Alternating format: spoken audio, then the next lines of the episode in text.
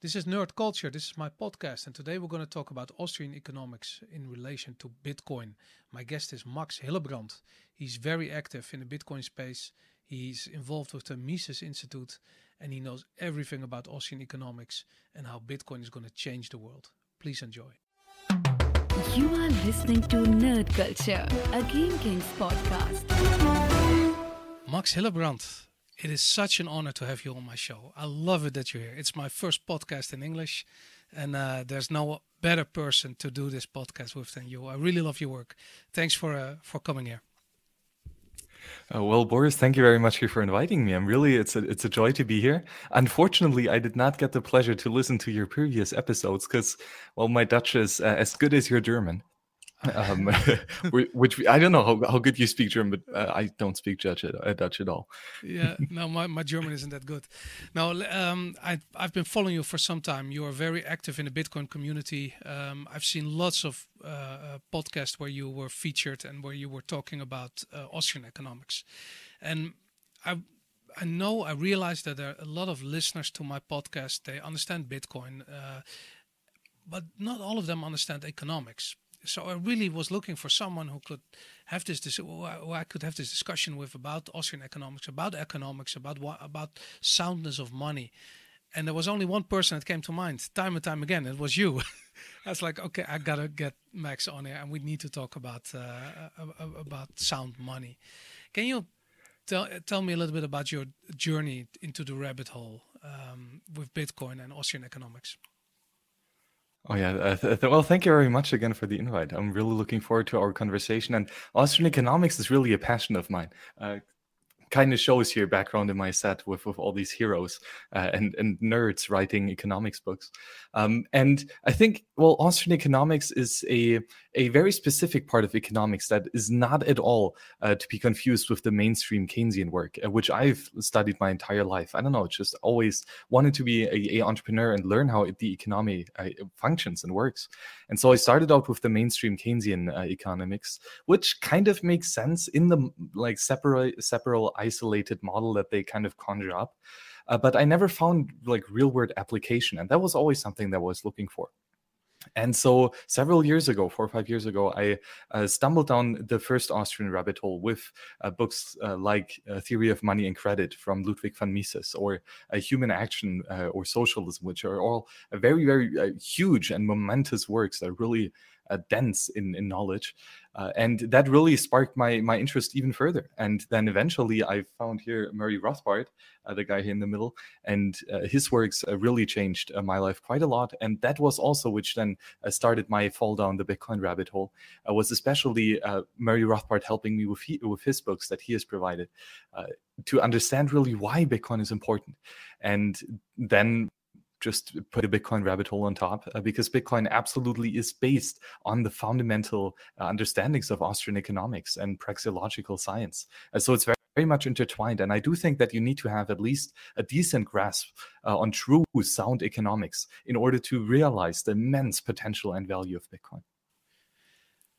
That's really, I mean, there's already so much in that introduction. Um, did you first learn about Bitcoin through Austrian economics, or was it the other way around? Um, it was it was first Austrian economics, um, but only on a rather light uh, view. Uh, so it was more mainstream economics, more like than let's say also the monetary school of, of Friedman and and this direction, always leaning more to the uh, liber, libertarian side of you. Um, but then with Austrian economics, it really uh, just is such a uh, holistic and sound economic study and science that it really encompasses all the things that I hold dear in, in life and in my morality and, and uh, but then also in my economic um, yeah strife and entrepreneurship. So I think it's just a, a beautiful uh, science that is very applicable to life, and that is something that I very much value in this in this thought. That's beautiful. Do you uh, can you explain what Austrian economics is briefly for people who might not be familiar with the concept? Well, so the term is kind of misleading. It's called Austrian economics, not because we talk about the economics of Austria, the country, uh, but actually because most of these uh, peers here up there, especially Carl Menger, uh, who's who's done a lot of uh, great economic advancement. For example, the marginal uh, analysis of individual preferences uh, was something that he contributed back in 1800 something. So he was Austrian, and Ludwig von Mises was Austrian as well, and Eugen von Böhm-Bawerk, and some other scholars were just from Vienna.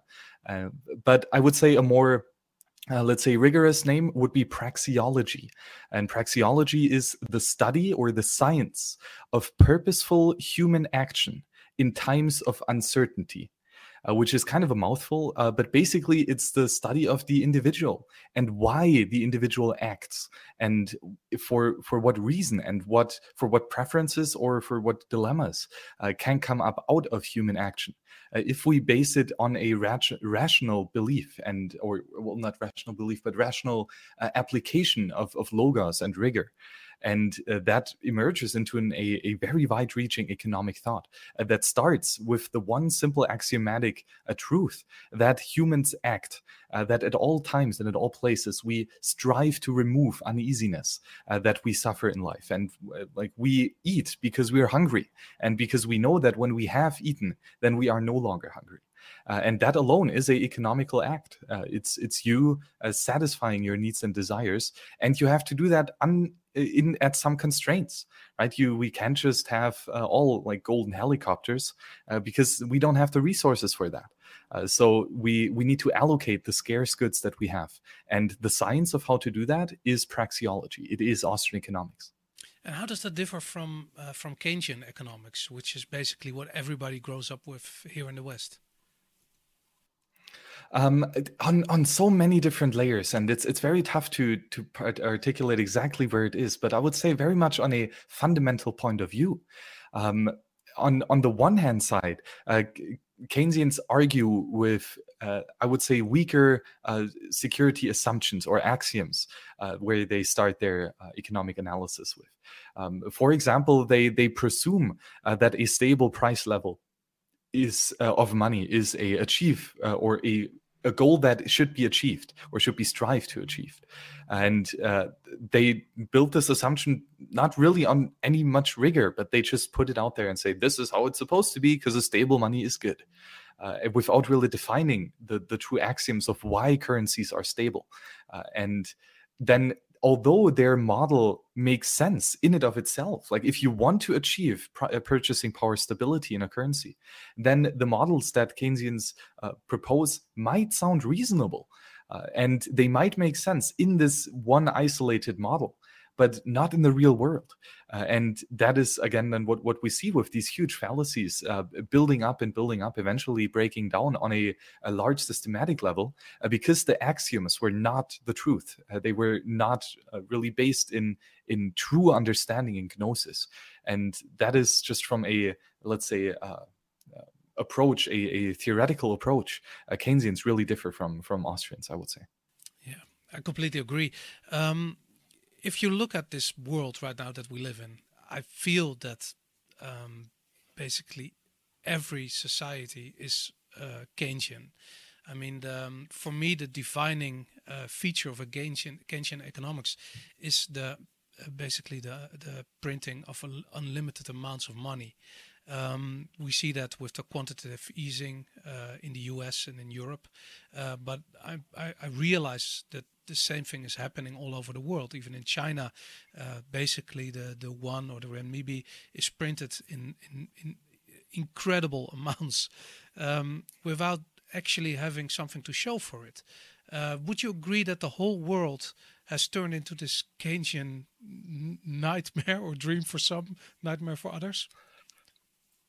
Uh, well, pretty much, uh, I would argue, uh, and it, it really is a shame uh, because it it doesn't really have to be, but we are forced uh, to use these currency systems. You are forced to use legal tender currencies such as the U.S. dollars or or the euro or the yen or other uh, coercive government imposed currencies, and because you are being forced to use them, you don't really have another choice.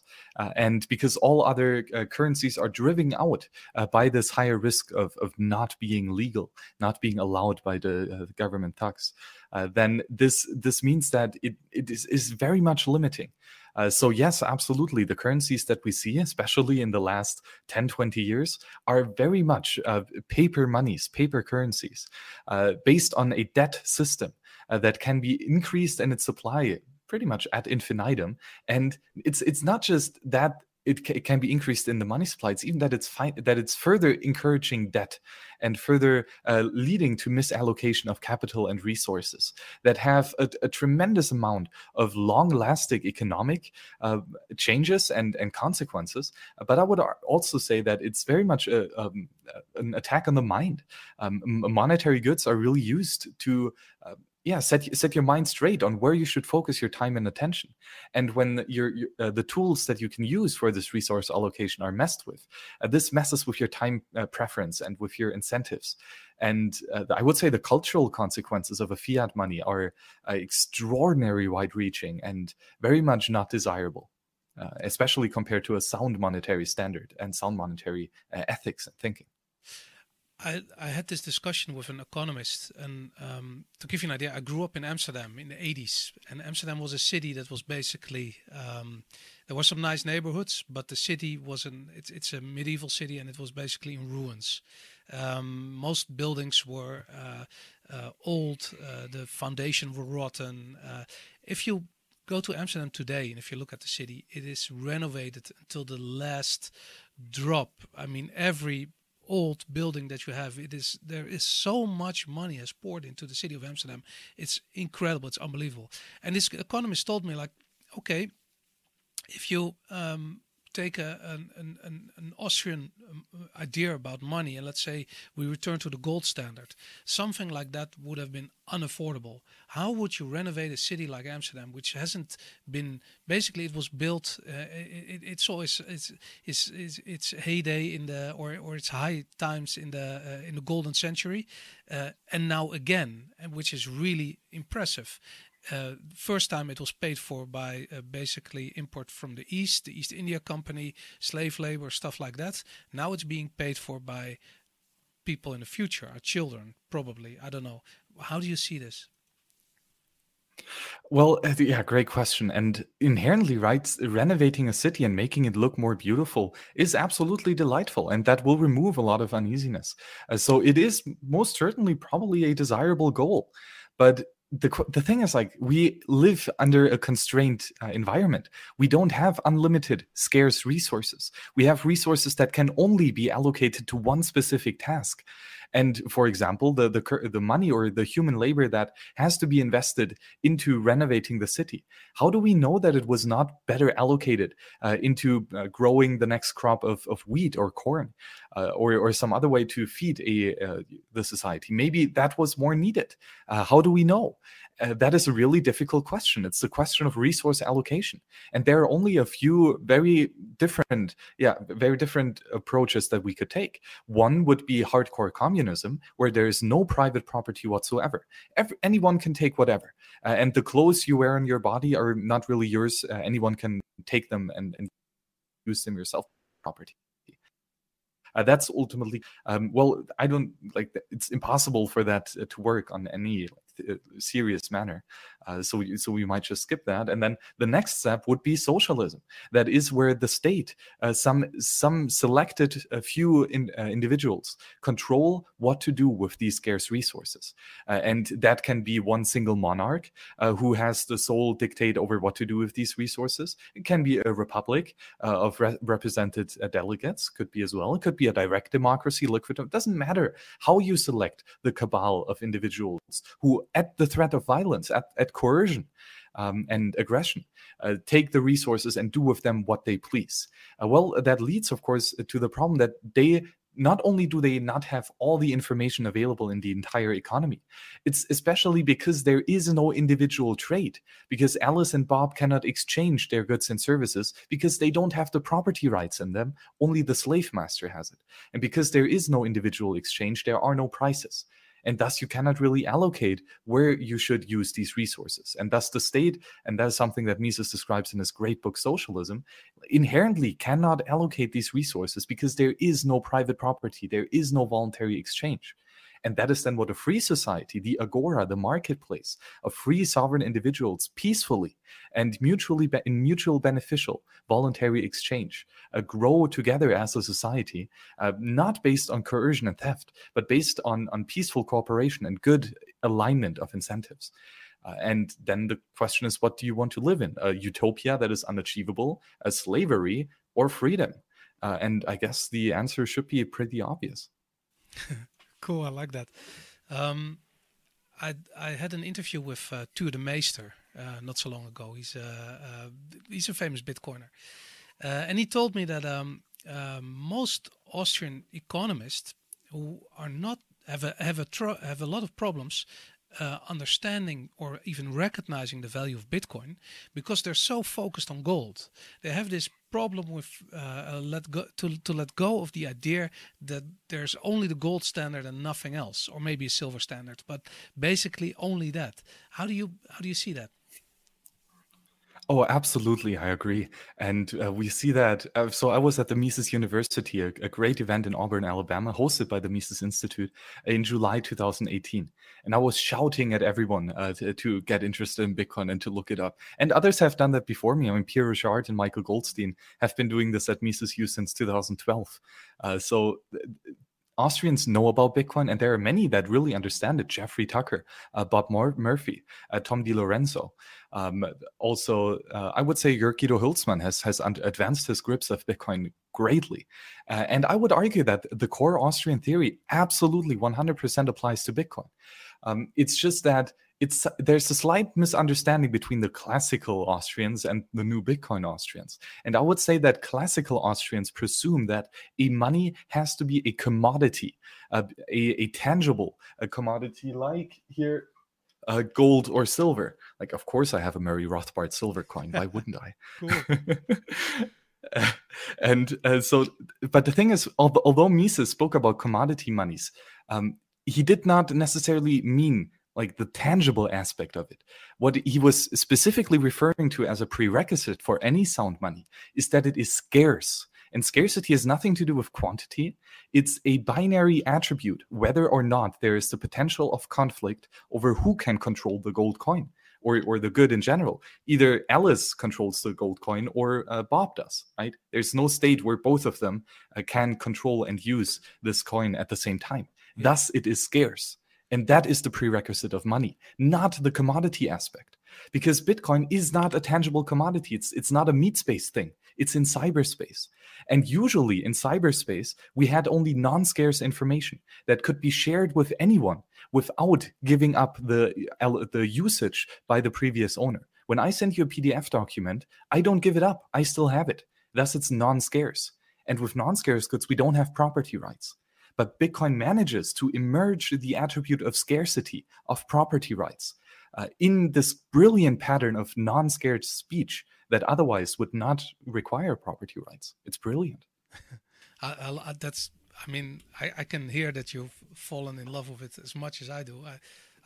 It, it, takes a couple of years to understand this concept. And um, I've been wondering uh, I don't know, maybe you have the same experience, but I talk to people about Bitcoin a lot and there's people who really understand the technical aspects of bitcoin and they're programmers and they they you know they're really good at it. They understand the technical aspect and they usually they like ethereum as well and they like other projects and because they're only interested in the technical aspect.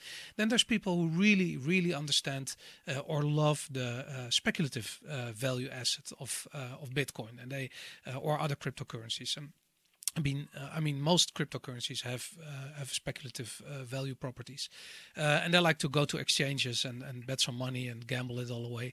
Um, and then I feel there is this uh, economic, monetary side of Bitcoin uh, or of cryptocurrencies that only Bitcoin has. There's no other cryptocurrency that has this monetary value properties.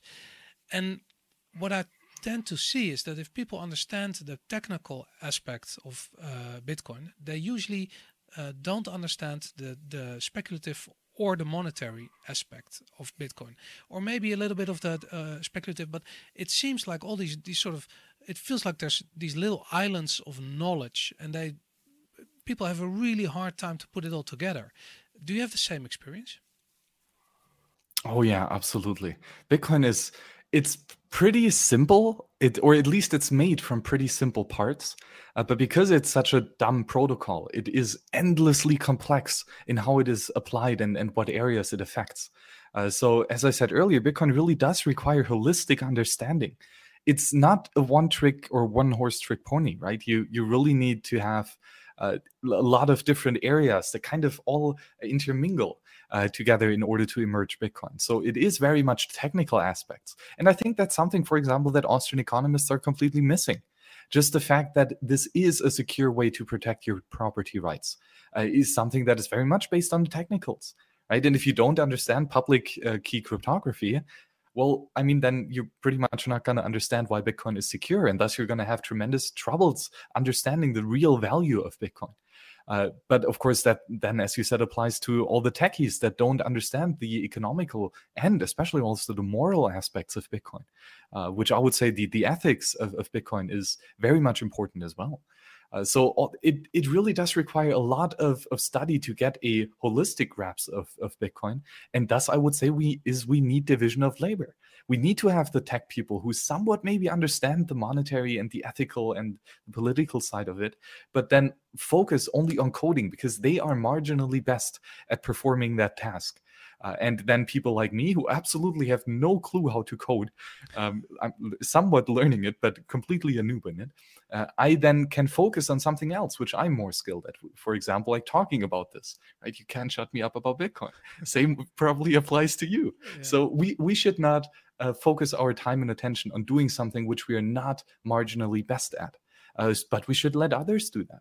Uh, so we can spread the gospel of Bitcoin and teach others how to use it, uh, but we might not necessarily um, ap- apply the software itself. Or, or, at least code the software, we might apply it and use it as a user as well. Right? Yeah. So there are different levels here. Yeah, I understand. I heard you on the uh, Bitcoin Echo Chamber podcast uh, last week, and mm. um, you you explained this concept where you um, basically tell people that you have a moral obligation to um, share knowledge about Bitcoin, and I think it extends to Austrian economics. Um, I, I, don't know if that's if, if it's an international thing. I mean, you're based in uh, in, in Germany, and uh, at least here in Holland, there was a um, uh, like school children took a, took a day off, and they had a big demonstration for for the environment, basically for the, the CO CO2 reduction, stuff like that. And whenever I see stuff like that, I mean, I, I love it that kids are positive about the future and want to have a positive influence on that. But I realize more and more that it's all coming down to to economics. I mean, the um, uh, everything that happens in politics is an extension of some form of economics, and it's not. It's visible if you look at it, but nobody's looking and um, I would like to talk about explore that a little bit. If you if you look at, at at at money creation, if you look at inflation, how do you see society at this point? Oh wow, that is a great question and really a crucial one. Ah, very interesting. Um, I would say that the the thing with with having or with having both the moral obligation to uh, share with and I'm, I'm saying that not just into being just bitcoin or austrian economics saying to someone something else that is based on falsehood deliberately doing so deliberately lying to them uh, especially in order then to abstract some wealth to gain at their expense uh, is very much evil and it is very much a breaking of private property uh, because you uh, you are speaking something into existence that uh, that makes the other person act in a way that he would not have otherwise done if you would not have coerced uh, him through this lying and deceiving. Uh, so, lying, I would argue, is, is very much something that should not be done. And speaking the truth is very powerful. Uh, because inherently, if you are a expert in something, if you have dedicated your time and attention to accumulating information, and internally, when you have understood it, uh, and then you apply it in your real life right then you achieve wisdom. And this uh, increases your uh, understanding and, and knowledge base of something. Uh, and then there is an inherent knowledge differential right? Some individuals have done their homework and have actually learned something and, and grown, and they are higher on this hierarchy of knowledge than than others. And so inherently, like this hierarchy is nothing bad. The question is, what do you do with this knowledge differential? Because it's only a potential. The question is, how do you apply this potential? And if you apply this knowledge differential by, uh, again, lying to others and by abusing and misusing this knowledge differential, by telling them falsehoods, uh, then you are manifesting a, a, chaotic, a chaotic reality into existence. And that is not just bad for you and for the other individual, uh, but it is bad for, for the entire like, society in, in general and then on on the other hand if we if we apply what we know or if we try to decrease this knowledge uh, differential uh, by teaching others by trying to raise our peers by sharing the information that we know to be truthful and by helping them to understand it uh, and especially how to apply it right? So teaching how to use tools is something very very powerful because it decreases the knowledge gap. And that means that it's no longer as easy to abuse uh, the quote unquote lower individual here in this hierarchy. Uh, and yeah, the, the question is B, are you going to let others walk over the cliff or are you going to teach them uh, to walk around the cliff in a safe manner? Uh, and I mean, it's up to you. Uh, it's it's your choice, but I think it should be clear which, which one it Let's is. talk about this cliff. I'll, uh, I mean, I think we walked off the cliff in 2008. Um, in your in your view, what what happened in 2008? Um, the logical conclusion of what has been going on over the last 80 years. Uh, the American Central Bank, the Federal Reserve, uh, was created in 1913. And that was very much like the, the foundation of, of all the pain that has came in the next years. I mean, the First and the Second World War, uh, among the, are among the first wars that have been financed so heavily by inflation.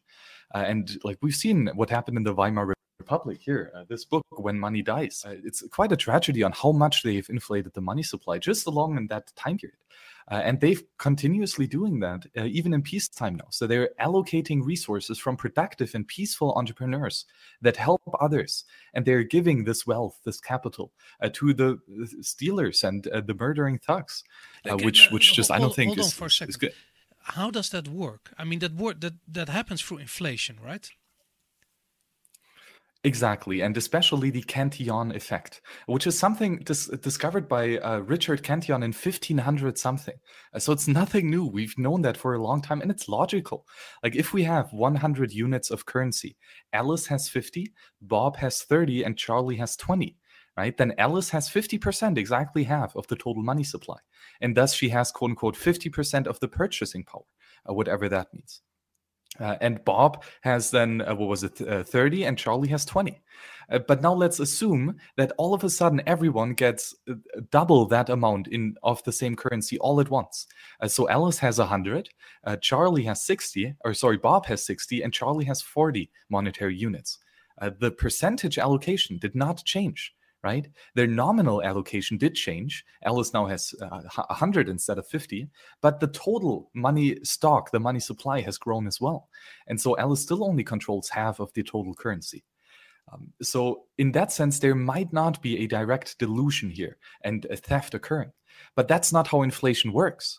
Inflation means that some individuals get this newly printed money earlier than others. So let's assume that Alice, who is already the, the most wealthy individual here, uh, now in the power of the printing press. And she gets all these 100 new units. Then she has 150 units, which means, yes, she has increased in the nominal supply or in the, in the nominal amount, of course, but much more importantly, she's increased in the percentage allocation as well, now owning 75% of all these resources. And this additional wealth did not come out of nowhere uh, because Charlie and Bob both have lost uh, in their percentage allocation. Although they still hold the same uh, the same nominal amount, uh, they hold less percent of this, and so Bob and Charlie lose, uh, and Alice gains at their expense. so this is theft, plain and simple. Uh, especially if Alice and uh, if Bob and Charlie are forced to use this currency uh, by Alice. Uh, but overall, Alice is stealing here, and that's just not right, and it leads to a bunch of wrong uh, incentives. but ultimately, that has been going on with all the quantitative easing, with all the fractional reserve.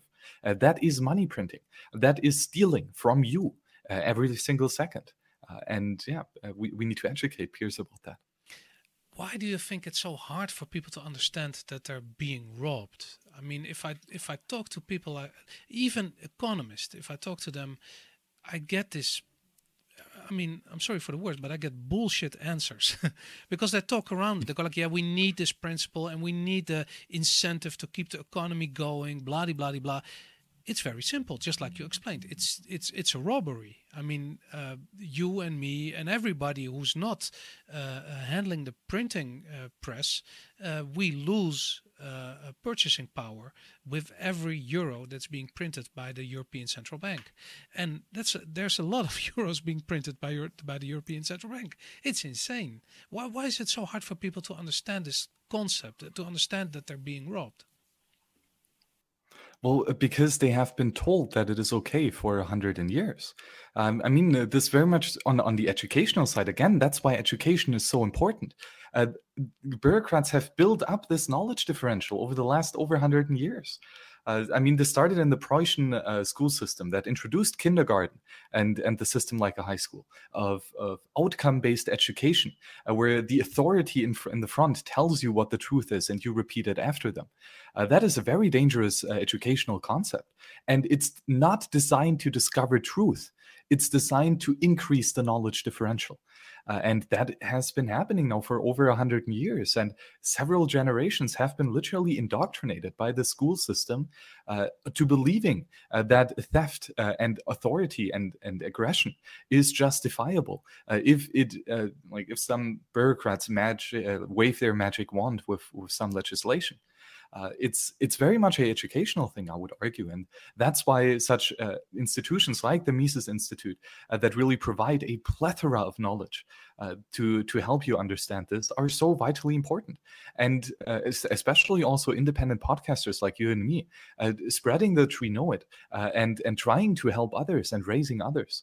so it's it's very much a uh, a, a, yeah, I would say moral obligation to uh, to help others in in such a dire cir- circumstance where, where they don't even know that they're being robbed every single day.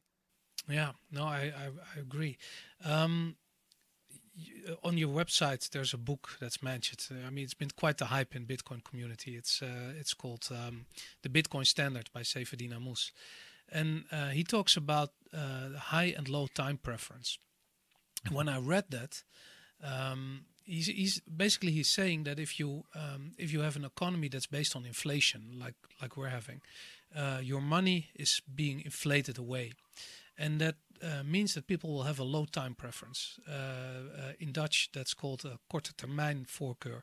Um, but it means that people will need to see a return on investment sooner rather than later. Um, because if they have to wait for the money, it means that the purchasing power of that money will inflate away. Uh, so we all have this. We're all walking around with this uh, a low time preference. We need a, a, a, new car tomorrow. We need a new house tomorrow. We can't wait for anything. If you look at the uh, the, the, there's a lot of quarterly uh, um, numbers by by uh, uh, by, by corp- big corporations, and I've noticed that they have. I mean, they used to have ten year plans. now they have maybe a five year plan but usually it's a two or three year plan. That's that's how they're planning because they just cannot afford uh, the the uh, um, the high time preference uh, uh for their uh, for the shareholders. Um, and I, I was uh, telling you about the the Dutch students who were um, were basically demonstrating for the environment, and I realized that everything that's going on in the environment. If you look at the, the plastic that's floating around in the seas, that's a that's a perfect example of um, of low time preference, or I mean, it's high time preference. Sorry, I, I, I mixed the two up because in Dutch it's it's the other way around. But um, uh, basically, if you uh, have an economic incentive to dump all your plastic in the ocean, because it's uh, it it's uh, economically uh, more viable than than recycling or doing something else. People will do that. And where does this this uh, um, idea come from? It comes from inflation. And I that's one of these the other concepts is that people really don't understand inflation. When was the first time you you started to get a grip on what inflation was? Um, I, yeah, I mean, I've I've I've read economics books for a long, long time, and again because it was the Keynesian mainstream BS. Uh, I, I, was like, yeah, okay, the, the inflation kind of makes sense in the model that they are describing it. That it can be used, yes, to incentivize some capital production, uh, of course, but that like that was it. It didn't explain. Okay, was was that good production? Was it bad? Was this actually useful? Was it wasteful? Uh, so it was a very limited model, and in it in, in it of itself, the model kind of makes sense. Uh, but again, like I, I really only understand the true importance uh, of of interest rates and what this actually means. Uh, with with reading especially theory of money and credit by ludwig von mises which is such a mind-blowing good book i mean it's dense really really dense and not easy to read written in 1912 uh, so just one year before the Fed got uh, opened up in, in America, and I, I, mean it just destroys the entire argument that the Fed has been fudding around for so long now. So I, I mean, as you said, it's it's about time preference, and we use a currency because we want to postpone our consumption uh, and our production. Uh, we want to not eat today. We want to store our gold coins so that we can buy uh, apples tomorrow with these gold coins, but not today. Tomorrow. Uh, so we are sacrificing our desires today, uh, and we are we're not satiating them. So it's it's it really is a sacrifice, and when we have a sound currency, we are incentivized to sacrifice more, uh, to think more ahead onto the future, and to make sure that not just we, but our children's children and seven generations ahead uh, still live prosperous. And very much so, this plastic culture is based on the planned obsolescence that is a straight consequence of fiat currency. Uh, if your if your capital stock diminishes over time because you're being stolen from, uh, you need to turn around your business several times. You need to have new products and new cash flow coming in all the time. It's always about having short term cash flow now. Uh, because that's like as short as possible, just in time. Because the longer you hold cash, uh, the, the the more you are being punished, the more you're being stolen from. Uh, so the incentives are very, very ma- wrongly aligned with fiat currency. And there's, of course, Saifedean's book is great on this, but I would also very much uh, recommend um, a great talk by Jörg Guido Hülsmann called The Cultural Consequence Money. Uh, which is just mind blowing. And it, it, really explains not just what it does to the economy, but especially to the mind of an individual. If you're being forced uh, to not sacrifice as much as you would uh, want to do, uh, it's quite profound, actually. Wow, I'm gonna. I'm, I'm, is that on YouTube? Did you see uh, the, the, Guido Hülsmann uh, talk? Yeah. Yes, exactly. It's on the YouTube channel of the Mises Institute. Again, uh, Mises.org, a phenomenal website. Uh, they have a huge library uh, of free and gratis uh, open source uh, books in PDF form, EPUB, uh, some audiobooks, many articles. definitely suggest this in a plethora of research and, and knowledge. Awesome. Let's talk about Bitcoin for a second. Um, when Satoshi Nakamoto, and of course nobody knows who he is or she is or who they are, um, when the white paper came out, and especially when the email uh, thread started, uh, where Satoshi Nakamoto started explaining the concept of Bitcoin. Um, I can if you read through that, and I mean all these emails, they're even on your website. I just checked out your website, and all the links are there. Um, when you look at that, you I can't help thinking that Satoshi Nakamoto knew more about what Bitcoin was going to do than we do right now. And I was wondering if you you get this strange feeling that I mean it's the the security in which he phrases his sentences. Uh, it's all game theory at that point, but it's being presented as something that will work and I was wondering if that's something that you noticed, and what uh, I mean, how do you place that? Where does it come from? Mm, yeah, great question. Um, I, I mean, it was always like a very risky endeavor, and it still is. Like it's it's a miracle that Bitcoin actually works, and it could fall apart at any time. Uh, so there's no certainty whatsoever if it will succeed in the long run, right? Because there's just so many nuances uh, to this, and human action is always unpredictable. Uh, so that I, I, guess he didn't know that it succeeded, but he knew that the incentives were aligned pretty damn good, and that it had a very high chance of succeeding. Uh, and I, I do believe that this is mainly about his uh, or well of course on his on his technical understanding and on on how the technicals apply but also especially about the economics of it. Uh, because the or the incentives and the economics of bitcoin are laid out so beautifully according especially to the austrian theory uh, that uh, I very much believe that uh, Satoshi is a, a, avid reader of greats like Murray Rothbard or Ludwig von Mises, and I'm actually and the timeline fits for this uh, conspiracy theory is that uh, Satoshi Nakamoto, whoever he was, um, he attended the Mises University in July 2008, uh, just before like three months before he published a white paper, just to refine uh, the the uh, the yeah, the incentives and the economics behind it. because by then he had the code written uh, it was just more about testing and fine tuning it and because he has such a, enormous understanding of of uh, Austrian theory I'm pretty sure that he was involved with the Mises Institute somehow uh, of course we don't know who who Satoshi is but because we all are Satoshi yeah, that's great. But still, I want to know who, who, who coded up that first bit of code. It's it's amazing. And but you're right. It doesn't matter who did it, who made it. It, it really there, there's no point to it. But it would be amazing if that person actually uh, was part of the Mises Institute. And it makes so much sense because um, what what I found in a couple of these emails is that um, there's a, a, a picture being drawn of where sound money, how Bitcoin can be sound money. And when I think about 2008 or 2009, when uh, first Bitcoin was mined and the white paper was proposed, I mean, we're talking about a technical experiment between basically a handful of people. There's no way that you can, from this fact, you can deduct uh, some form of sound money uh, conclusions uh, on Bitcoin. I mean, and all the questions that people ask in this in this email list is like, how will it scale? How is it possible? It will never grow out of this this this premature state that it's in.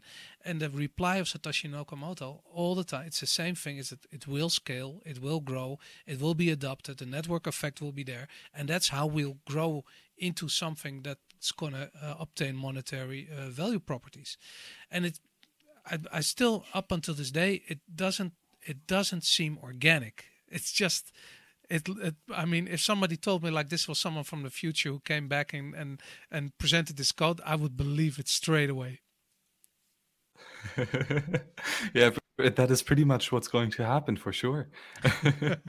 We're gonna have alien Satoshi beamed down, and he's gonna explain it all. Awesome. Yeah, looking forward. No, but uh, yeah yeah, in, in just two weeks.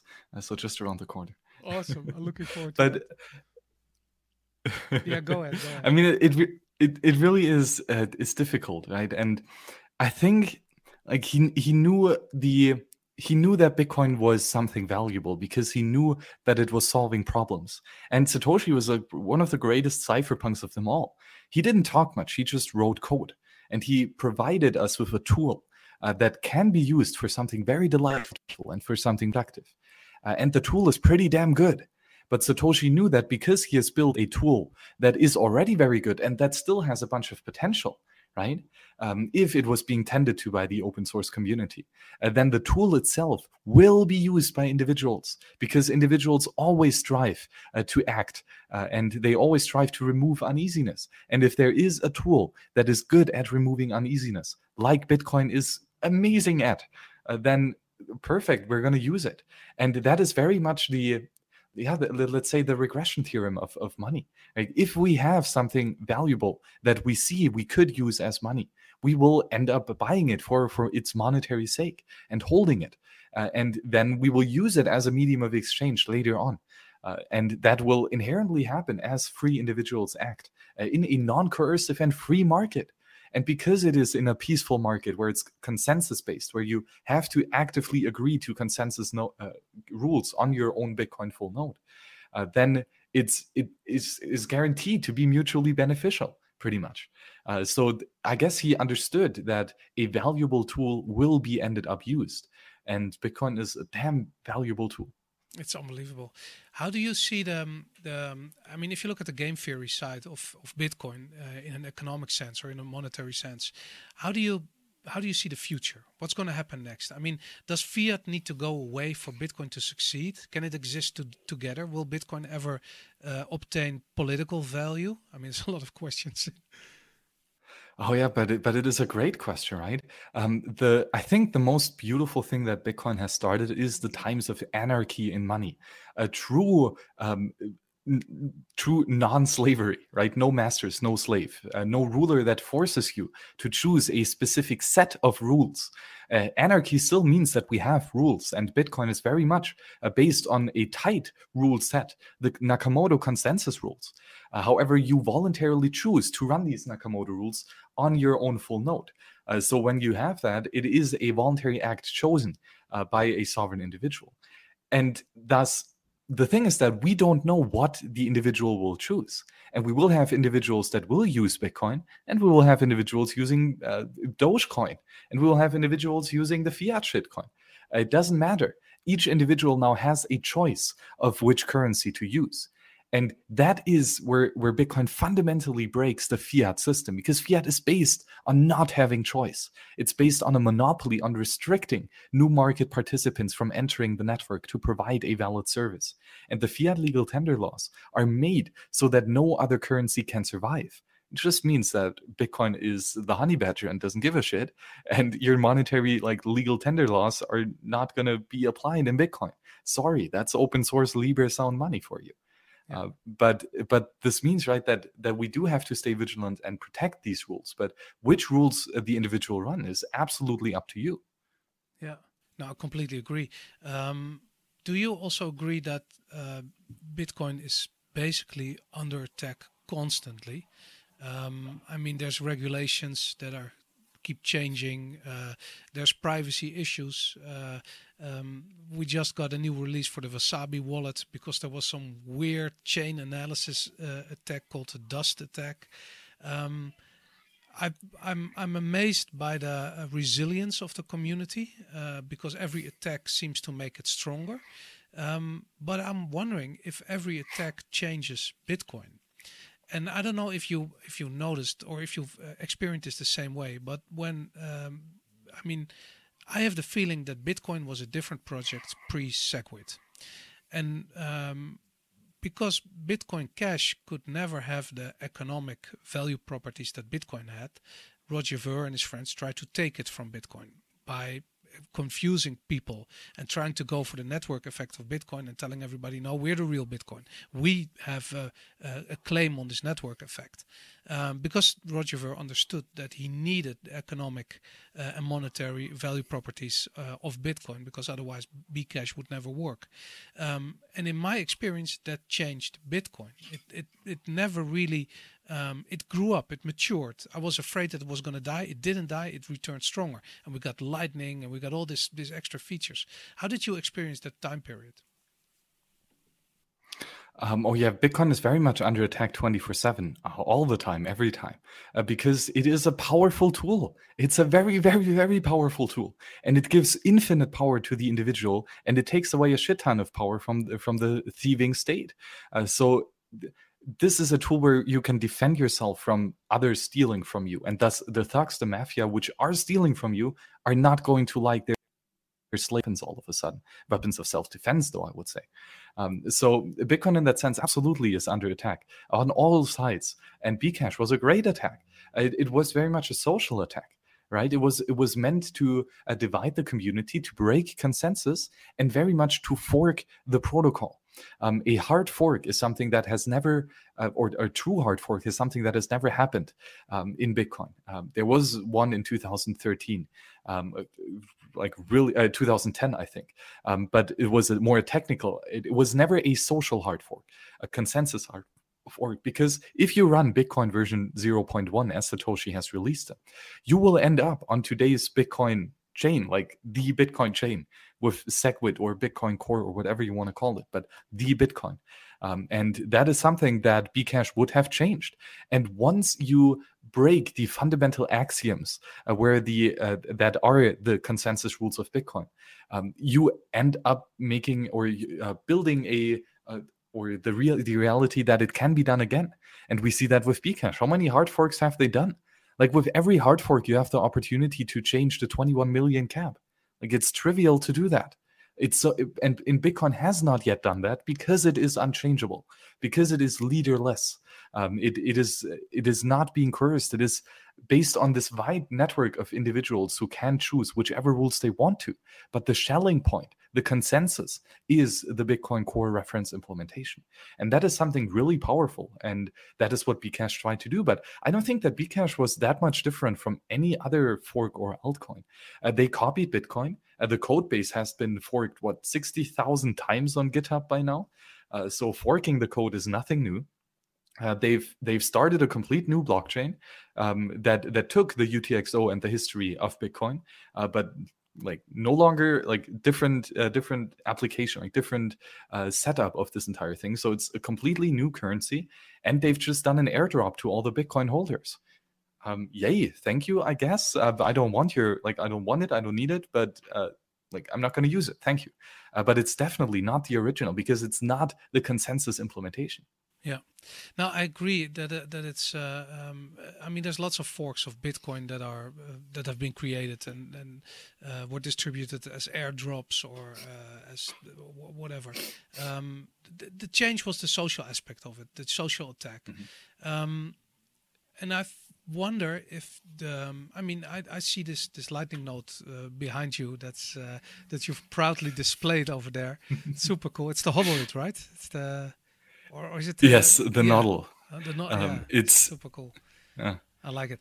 But um, what I'm looking for, I mean, when Lightning happened, um, we finally got an answer to the question uh, if Bitcoin was a store of value or a means of exchange.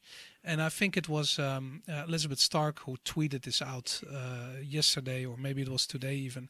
And she said if Bitcoin is the uh, the, um, the, the, the, the, the, the, the, store of value, then Lightning is the is the cashier's check. I, I mean, I'm, I'm messing up her quote, but something like that. I mean, Lightning. So you're going to spend the satoshis and you're going to keep the Bitcoin uh, on the on the on the core chain. Do you think there's a difference um, uh, in in perspective between uh, Lightning transactions and main chain transactions uh, because people finally understand the difference between uh, uh, fast means of exchange and store of value? Uh, Satoshi had uh, in, had sequence number transactions. Uh, that if a unconfirmed transaction um, had a higher sequence number, that higher sequence number would be added to the uh, main chain if it was to be published. And that is basically unconfirmed transactions that can be updated. So it's a state of a transaction that can be updated, and thus it it it is basically a payment channel. Uh, so this idea of having quote unquote smart contracts secure a unconfirmed transaction has been around since day one. It's just that the smart contracts have gotten much more um, sophisticated and nuanced. And so what we have now with, with Lightning Network payment channels, or in the near future, then eltoo payment channels, it is a, a smart contract, a two out of two multi-signature, a script uh, with some time locks and some other fancy stuff on Bitcoin. Uh, but basically, it's just a secure way of making sure that we don't have to confirm every transaction in the Bitcoin blockchain, but we can batch several transactions uh, and only anchor, so to say, um, some things in the Bitcoin blockchain. And this gives us not just scalability improvements, because not everything has to be validated by the Bitcoin full nodes, but it also gives us privacy. Because if we have something off the chain, not everyone will know it, and it will not be in the indestructible uh, Bitcoin blockchain. Uh, so Lightning payments are inherently more private than Bitcoin payments because not everyone knows about it. Uh, and of course, the, the nuances of how Lightning Network in, is implemented is very much focused on privacy. Uh, so there, it's it's kind of like the difference between a gold coin and a gold dust. Um, a gold coin might be good for uh, for using for larger transactions, but gold dust can be like sprinkled in, in very low quantities it's still the same currency. It's just two different applications, two different user experiences um, that work on top of the same monetary network. Yeah. Um, yeah, the the what, what I was trying to say is that um, I've noticed that um, uh, I think there's only two or three million Bitcoin actively being traded on platforms. The rest, it's just being stored. People just keep it in the hardware wallets wherever it is. It's not out there. It's not for sale. N- nobody can get it. Maybe some of them are lost, but uh, anyway, they're not. People huddle them. Um, when it comes to the Lightning Network, I see people tipping 10,000 satoshis for something. I, I, I, the other day I tipped you 10,000 satoshis for something that you tweeted out. I was just testing the this tippin.me bot, and it worked really well. And I was um, just amazed by the difference of wanting to hodl something like Bitcoin and the ease of uh, which I spent this dust, these satoshis. It feels like it's something different, and still it isn't. It sucks, right? Lightning Network is a massive incentive to dishodl, uh, to spend your Bitcoin, uh, because it's it's so much fun, and I always have to giggle like a little girl when I spend these satoshis because it's just it's it's a lot of fun to do, and it sucks because these are valuable satoshis, right? Yeah. And when we when we spend them, of course, we might regret it in the future. Again, that's that's time preference. Um, but I I would like to say that you can hodl in Lightning Network as well. Like right now, I have my payment channels here open on my Nodl, and uh, I don't have to spend it. Uh, right now, I'm not spending my money, I'm holding on to it. I just do it in a, a smart contract uh, that secures the current state of the off chain payment. Uh, but the way that I hodl is pretty much re- doesn't matter. Um, yes, I can have some funds in a hot Lightning Network wallet. I could have some funds in my Samourai on-chain wallet, but on my phone. Uh, I could have some funds in my Coldcard cold storage, or in my Glacier protocol, or in a like seven out of eleven multi-sig. There are a bunch of different ways how I can store my Bitcoin, but the aspect of storing the value just means not spending it and then how I spend it again is that is meaningless. I could pass you an Opendime, and this would still be the aspect of medium of exchange in Bitcoin, and it would be the same aspect as medium of exchange as if I would do an off-chain payment with Lightning. Um, the thing is that it's a different payment pr- uh, protocol, a different means of payment, and that the the user experience of these means of payments are very different. Uh, and they, of, of, course, Lightning is a lot more fun uh, to spend like several satoshis per second in different payments. Like that is awesome, but that's not inherently the medium of exchange aspect, because uh, medium of exchange just means you give it to someone else. Um, but the method of payment is exactly what is interesting in uh, how incentivized are you to experience this uh, this user interface of, of sending payments with Bitcoin. I was wondering how do you look if you look at the future, what how I, I, mean I, must confess something you know when when I saw Roger Ver like a couple of years ago and he was crying about babies that were dying and Madeleine Albright and all that and I was kind of touched. And I was like okay he's got a point there. Um, and then I started thinking about okay what do we need before we get there? And basically that boils down to the question like when is bitcoin going to be bigger than fiat? Does it need to be how, from an economic perspective or monetary perspective, how do you how do you look at this? Oh, great question and a very compelling one. And it's it's a question about strategy, right? What what exactly should be our goal? Uh, should it be mass adoption in the sense that you that every single store uh, accepts Bitcoin? Um, I mean, it's it's it's a very different point of view that we can take. Either we can be more of the collectivist type and say like, okay, we want to have uh, like eighty percent of the total market share of all currencies, and and then we know that we've reached mass adoption because everyone, the all the masses, the economy is using Bitcoin. Um, well, yeah, sure. I mean, that will maybe eventually happen, but I don't think we can say anything certain about that. What we can say is that Bitcoin can be money for you as the individual uh, if as like the second that you spend your last fiat uh, and you only hold bitcoin or other sound monetary assets like gold or silver uh, then like this is it. Bitcoin is your money. And if you only store your wealth in bitcoin and if you only use this as a medium of exchange then you automatically calculate your prices and thus it's your unit of account and so if you don't hold much or none at all of the fiat shitcoin, which is absolutely doable, by the way, uh, then you are completely free of government fiat. And you, as the sacred individual, uh, has achieved then full monetary freedom. Uh, and that is the adoption that I'm going for. I personally have spent my last fiat shitcoin um, oh, I don't think I have the. I had a countdown on my phone once. I have to reinstall that. Was the user activated soft fork where we actually got SegWit. In? That was the moment where I just exited fiat altogether, uh, and and only store my wealth in sound monetary assets because it's possible. And it's up to you as the local individual to make sure that you can actually use Bitcoin as a medium of exchange. And a big part in that is educating your peers. Um, how do you view taxes? What do you, what's your opinion about paying taxes and paying taxes in, in Bitcoin or over Bitcoin or your Bitcoin holdings? Uh, well, again, that ties in back to what we said earlier. There are only three ways of allocating resources. Uh, either there's no property rights, uh, which means it's like communism and anyone can take anything. It doesn't. I don't have no clue how that would ever work. Uh, and then there's the political mean, uh, which means that some people, some individuals, some party uh, are going to take the resources and allocate them without uh, the others having a say in it. So it's it's very much based on aggression. Uh, and then we have the economic way, uh, which is the peaceful way of two individuals trading only when it is mutually beneficial and only when there is the consent of both parties to do this uh, without any aggression being applied to. Uh, so I'm very much a defender of natural law, and natural law basically means do no harm.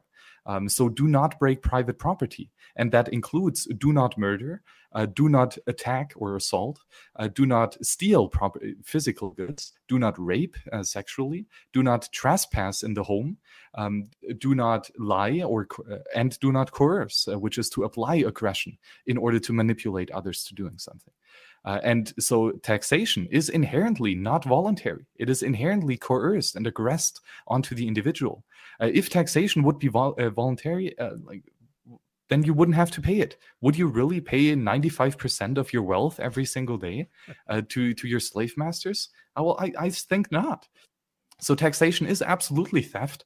Uh, it is immoral. It is not justifiable whatsoever. You have every right to defend yourself against it, uh, and every right to use a currency such as Bitcoin that treasures property rights and that is a great defensive tool uh, which can be used to stop aggressor from inflating the money supply.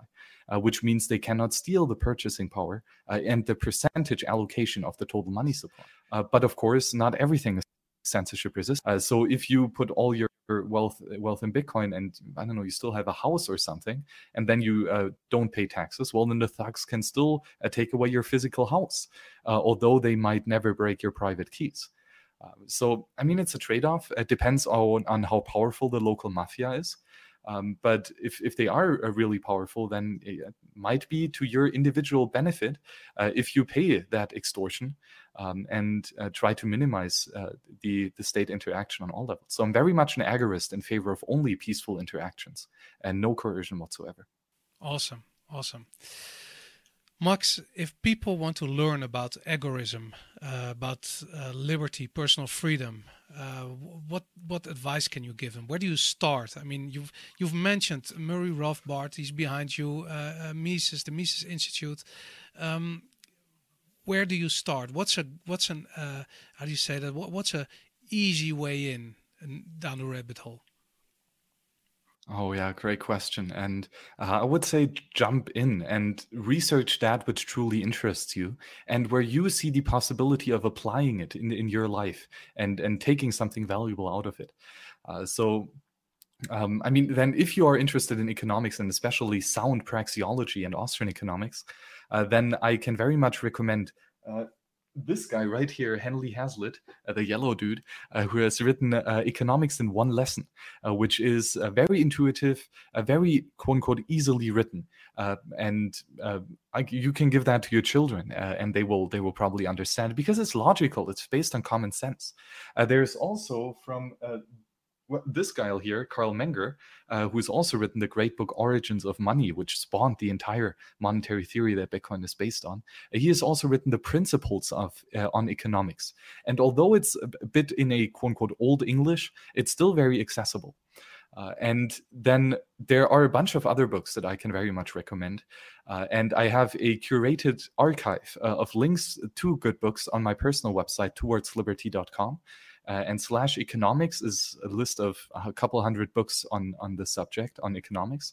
And uh, towards liberty slash bitcoin uh, is pretty much the same for for the bitcoin verse. Where i try to curate uh, all uh, all the interesting sources that i found. Uh, but personally i would say the mises institute great great resources and all for libre for gratis Um, and the cool thing then, no further, is that it's up to you.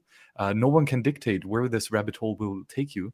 Uh, just enjoy it and, and try to accumulate as much information as possible and try to understand it.